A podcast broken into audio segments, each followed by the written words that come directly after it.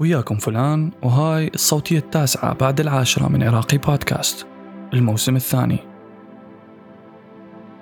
أول ما طلعت من الوطن العربي وبديت أكتشف طريقي وشنو أريد أسوي وشنو أهدافي أشتغل لو أدرس لو أستثمر لو لو لو, لو هواي لوات وكنت بعدني دا أحاول أفهم شنو أريد من هالدنيا.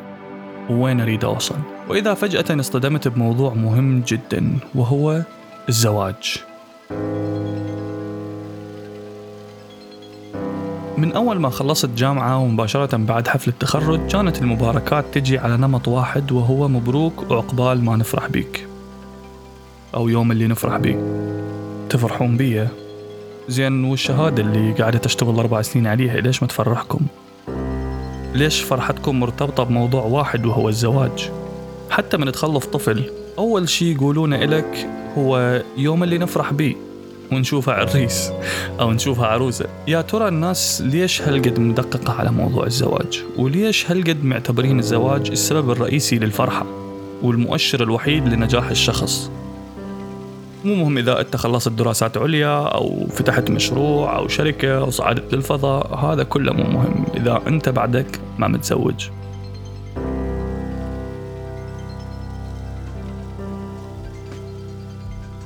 أول ما وصلنا أنا وأهلي للبلد اللي أنا بيه حاليا تقريبا قبل ست سنوات من الآن. وقبل ما ألقي شغل وقبل ما أشتري سيارة وقبل ما أفهم أني راح أبقى بهاي المدينة لو لا قررت بلحظة رعونة وتسرع أني أفكر بالزواج والاستقرار. على أساس أنه شنو؟ ختمت كل مراحل الحياة وهاي المرحلة اللي بقيت لي. بالفعل أهلي شجعوا الموضوع كلش وأصلا هم اللي اقترحوا الموضوع وحطوه برأسي. وأني أعرف ليش كانوا يريدون أتزوج. اولا حتى يفرحون بي بما إنه الزواج هو السبب الوحيد للفرح للعائلة العراقية وثانيا حتى لا أنحرف في بلاد الغرب الكافر. وطبعا هذين السببين ما كانوا ببالي ابدا. ومع ذلك بعد أشهر من وصولي لهاي البلد خطبت بنية ذكية جميلة مؤدبة وخوش بنية. وهنا لقيت روحي دا أتجه اتجاه غريب. ومو وقته ومو مكانه. صارت حياتي بدال ما تكون موجهة على تطوير نفسي والاستقرار وإيجاد الحلول والطرق اللي حتخليني أنجح بهاي البلد صارت موجهة على شلون أتعامل ويا أهل خطيبتي. شلون أقدم أفضل شيء إلها. شلون أبقيها راضية. شلون ما أبين الأهل خطيبتي إنه أني مو بخيل وإنما ما عندي شغل أستوني جاي. وشلون أبين قدامهم إنه أني إنسان ملتزم ومؤدب وما أسوي شيء غلط. ونسيت إنه الهدف من الزواج بعيد كل البعد عن هاي الأمور. ونسيت أنه الزواج مو مرحلة وحدة ومو مرحلة الواحد يمر بيها وإنما حياة كاملة. لازم يتأقلم وياها. وبعد فترة من الأحداث صارت هواية أشياء والخطوبة ما نجحت وصرت وراها حاير. شنو راح أسوي هسه؟ هل الانفصال كان الحل؟ هل أدور على أحد ثاني وهم أفكر بالزواج؟ وخصوصا أنه كل أصدقائي بالجامعة تزوجوا وكل ما أفتح الفيسبوك ألقي واحد من أصدقائي دي يتزوج ومبروك والورود البيضة بكل مكان بالفيسبوك وثواب العرس والبدلات وهاي الأشياء. والموضوع خلى عندي واهس للزواج الصراحة. وشفته شيء طبيعي إني أغتنم أي فرصة للزواج. والسبب الثاني إنه أهلي كانوا يريدوني أتزوج ويريدون يشوفون جهالي وهيك راح أتأخر عليهم بالأطفال ومن هاي الأمور اللي كلكم تسمعوها من أهلكم. وبالفعل أقدمت على الخطوبة للمرة الثانية وبعد فترة مو كلش طويلة من أول مرة. تقدرون تسمعون قصة هاي الخطوبة الثانية بصوتية سابقة بعنوان علاقة وحماقة. والصراحة بعد هاي العلاقة أنا اكتشفت عدة اكتشافات ومنها الأسباب اللي دير بالك تتزوج بسببها.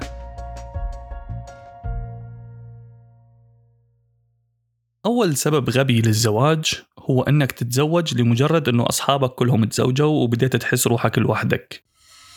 يعني أني كان عندي شلة وأصدقاء من الجامعة. حرفيا بعد التخرج 70% منهم تزوجوا. وحاليا كلهم متزوجين. وطبعا ما أقول إنه هم سووا شيء غلط بالعكس بس هم لقوا طريقهم وكان عندهم الأسباب المناسبة للزواج بالنسبة لهم ولهذا لا تسأل أحد من أصدقائك شنو رأيك بالزواج أو أتزوج لو لا.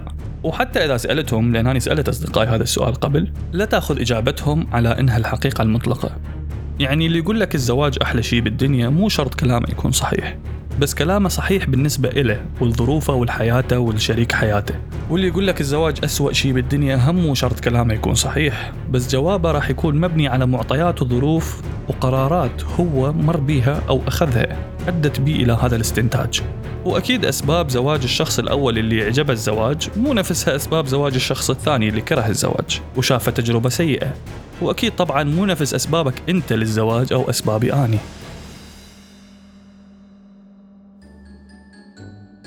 ثاني سبب غبي للزواج هو أنك ترضي أهلك. لما يقولوا لك يلا شو وقت تتزوج وراح تتأخر وريد نشوف جهالك ومن هاي الأشياء. ببساطة لأن هذا القرار أنت وشريكك أكثر شخصين راح تتأثرون به. مو أهلك مو أهلها ومو الجيران ومو المجتمع. لذلك من أهلك يسألوك شو وقت تتزوج وشو وقت تفرحنا؟ لا تأخذ هذا السؤال على محمل الجد. خليك عقلاني وفكر بكل العقبات اللي حتمر بيها والعواقب اللي حتصير لك بناء على هذا القرار. غير إنه التسرع بهذا القرار ممكن يضر أهلك أكثر منك إذا كان بضرر. لأن ممكن من تتسرع وتتزوج أي شخص يمر من قدامك أو أحد يقترح له عليك شخص وأنت ما تعرف أي شيء عن هذا الشخص وشخصيته أو طريقة تعامله وياك أو ويا أهلك هذا ممكن يفوتك بحفرة ما تقدر تطلع منها. منها إنه هذا الشخص ما حب أهلك أو أنت ما حبيت أهله أو أهل هذا الشخص ما توافقوا ويا أهلك وصارت مشاكل. أو الشخص اللي أنت تزوجته يشوف إنه ما يصير تروح تشوف أهلك أو يتضايق من هيج تصرف. أو تصير مشاكل بين أمك ومرتك مثلا أو بين أبوك أو أمك أو زوجك. وللأسف بمجتمعنا الزواج مبوع عليه إنه هو مو بس زواج بين شخصين وإنما بين عائلتين.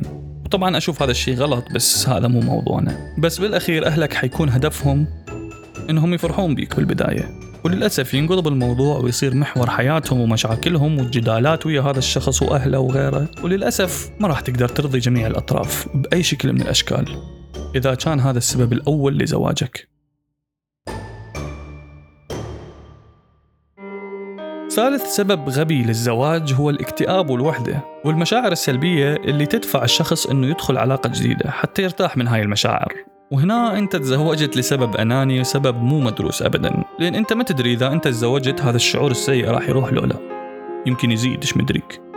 يمكن تجي لك نوعية جديدة من المشاعر السلبية من هذا القرار ومنها القلق أو الضغط النفسي أو عدم التوافق ويا الشريك أو تحمل مسؤولية أنت بعدك مو جاهز إلها. فنسبة أنك تخلص من هاي المشاعر بالزواج قليلة جدا. وإذا كانت هاي المشاعر راح تروح فراح يتبعها مشاعر جديدة ممكن تكون أسوأ. وأني هنا دا أحكي إذا كان هذا سببك الوحيد وهذا ينطبق على كل الأسباب.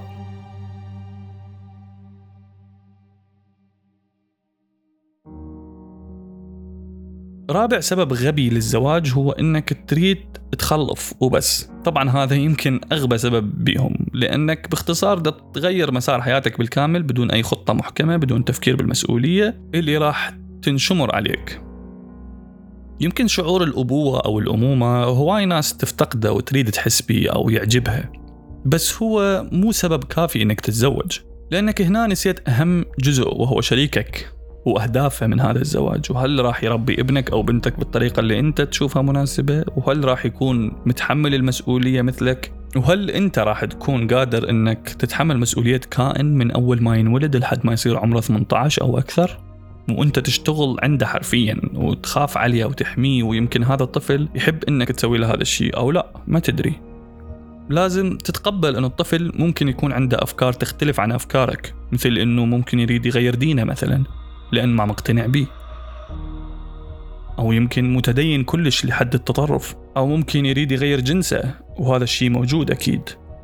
وإنه يريد يدخل اختصاص أنت تشوفه مو مناسب بس هو يشوفه مناسب. وهواية تحديات أنت راح تواجهها ويا هذا الكائن اللي أنت راح تدخله حياتك. إذا تريد أنت تسافر مثلا وتفكر وين راح تودي ابنك أو إذا أخذته وياك ممكن يقعد يبكي طول الطريق ويطلع الرحلة من خشمكم ما حد تشوف رحلة بها خير. أو إنه يوقع أو يتعور أو يصير به شيء لازم طول الوقت انت عينك عليه لأن هذا مسؤوليتك. غير السهر طول الليل وانت عندك شغل الصبح لأن ابنك مريض وحرارته مرتفعة وغيرها. وأهم شيء انت لازم تعرفه إنك مو من حقك إنك تحمل ابنك من نية أو تنتظر شيء منه بالمقابل بس لأنه أنت سويت كل هاي التضحيات له لأنه هو ما طلب إنه ينولد وما كان قراره هو وإنما كان قرارك أنت. ما تقدر تقول لابنك أنا كبرتك وعلمتك وتعبت عليك وأنت لازم تسمع كلامي لأن ببساطة هذا واجبك.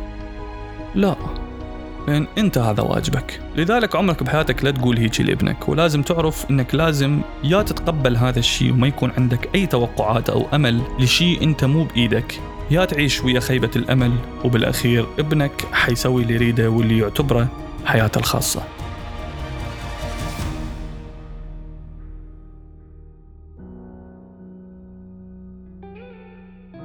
خامس سبب غبي للزواج إنك تريد تهرب من الظروف اللي حواليك أو من بيئتك أو تهرب من بيتك من بيت أهلك أو أهلك. ببساطة لأنك راح تنصدم بتحديات أصعب بهواية من التحديات اللي تواجهها أو تواجهيها ويا أهلك. على الأقل الأهل يعرفون شخصيتك وتصرفاتك والأشياء اللي تحبها والأشياء اللي تكرهها وكل شيء. بس شريك حياتك الجديد اللي أنت ما تعرف عنه غير الأشياء اللي قال لك إياها راح يخليك تفوت بمشاكل وأمور أسوأ ويمكن أحسن ما أدري الصراحة. بس أعرف إنك تقامر هنا ويا تربح يا تخسر. والخسارة راح تكون كبيرة كلش لأن أنت هربت من أهلك وظروفك بالزواج وبعدين دخلت بهذا المكان شلون راح تهرب منه من شريكك؟ إذا اكتشفت أنه الحياة صارت أصعب يعني ممكن أنت تشوفين أنه أهلك ضاغطين عليك. وما يخلوش تطلعين وتدرسين أو تشتغلين أو تمارسين حياتك بشكل طبيعي. ويكونون قاسيين عليك ويعاملوك مثل الشخص اللي يخدمهم. وحرفيا إذا كان المطبخ مو نظيف مثلا أو ماكو أكل بالبيت راح يكون اللوم عليك أنت مع أنه أكو سبعة عايشين بالبيت غيرك. إيش معنى أنت اللي تنلامين ببساطة؟ لأنه أنت بنية وهم عقليتهم المتحجرة والمتخلفة شايفين إنه فايدتك بالحياة هي خدمتهم لحد ما تتزوجين شخص ثاني يعاملك كخدامه همينه تصيرين بدل ما تخدمين أهلك وأخوتك يتغير شغلك وتصيرين تخدمين الرجال اللي حيتزوجك وأطفالكم. ولهذا أنت ما طلعتي من هاي الدائرة وخصوصا أنه الشخص اللي تزوجتيه بتسرع وبشكل عمياوي وارد جدا واحتمال كلش كبير يكون من هذا النوع لأن المجتمع مليان بهاي النوعية من الشخصيات. وإذا فكرتي أنك تريدين تشتغلين أو تدرسين أو تطلعين راح يقول لك أنت ببيت أهلك ما كنت تسوين هاي الأشياء ليش جاي عدي تسويها؟ وهنا أنت انحبستي بقفص. من الصعب أو أقرب للمستحيل إنك تطلعين منه. بس طبعا أكيد مو مستحيل. وأكيد هسه تقولين لنفسك العد شنو الحل؟ إذا الزواج مو هو اللي حيطلعني من هذا الحال. الحل إنك تحاولين تطورين من نفسك وتشتغلين على نفسك وتكونين شخصية قوية. وتعرفين تجاوبين وتناقشين وتدافعين عن حقك. وما يحتاج تكونين هجومية لأن أكو أهل ما يمشي وياهم هذا الأسلوب وممكن يعرض سلامتك للخطر. بس حاولي تلقين ثغرة أو طريقة تقدرين تطلعين بها من هذا السجن الفكري والنفسي. مثل إنك ما تقبلين تعوفين المدرسة إذا أهلك اقترحوا عليك هذا الشيء أو فكروا إنه شنو تتزوجين ممكن ترفضين أنت. مثل إنك تتعلمين مهارة جديدة وتسوين علاقات ويا ناس خارج مجتمعك أو بيتك. طبعا راح تسأليني شلون هاي الأشياء كلها ممكن تفيدني. وأنا أقول لك طبعا هذا راح يفيدك. إنك ما راح يكون عندك هذا السبب الغبي للزواج وهو إنك تطلعين من بيئتك. وبنفس الوقت راح يصير عندك قوة خارقة وهي إنك تدافعين عن نفسك وعن أحلامك وأهدافك. وغيرها طبعا. إنك بهاي الطريقة إذا تزوجتي راح يكون مستحيل على شريك حياتك المستقبلي إنه يقول لك أنت ما مسموح لك تسوين هاي الأشياء لأن أنت ما كنتي تسويها من الأساس. وأني متأكد طريقة اختيار شريكك راح تتغير جذريا عن هذا المتخلف الرجعي اللي كان يفرض سيطرته عليك.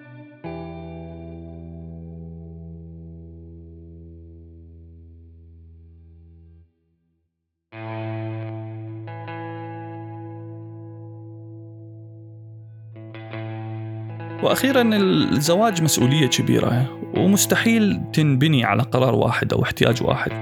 حاول دائما تلقي أسباب منطقية ومهمة بالنسبة إلك وإلك ولأهدافك ولاهدافك ونفس الشيء لشريك حياتك أو حياتك حاول إنك تتأكد إنه الشخص اللي راح تختاره يكون عنده أهداف مهمة ومتوافقة ويا أهدافك أو اهدافك للزواج أو على الأقل ما متعارضة وياها. لأن ممكن يكون هدفك بالزواج الخلفة والأطفال وهدفها الهروب والصعود للقمة أو يكون هدفك الحب وهدفها المتعة أو يكون هدفك أنك ترضي أهلك ويشوفون جهالك ويكون هي هدفها السفر والتنقل وهذا يتعارض ويا هدفك الأول وأهلك ما حيشوفون جهالك. هواي أسباب ممكن تؤدي بيك لزواج ناجح أو زواج فاشل أو يمكن حتى عدم الزواج أساسا بس كل واحد حر بقراراته.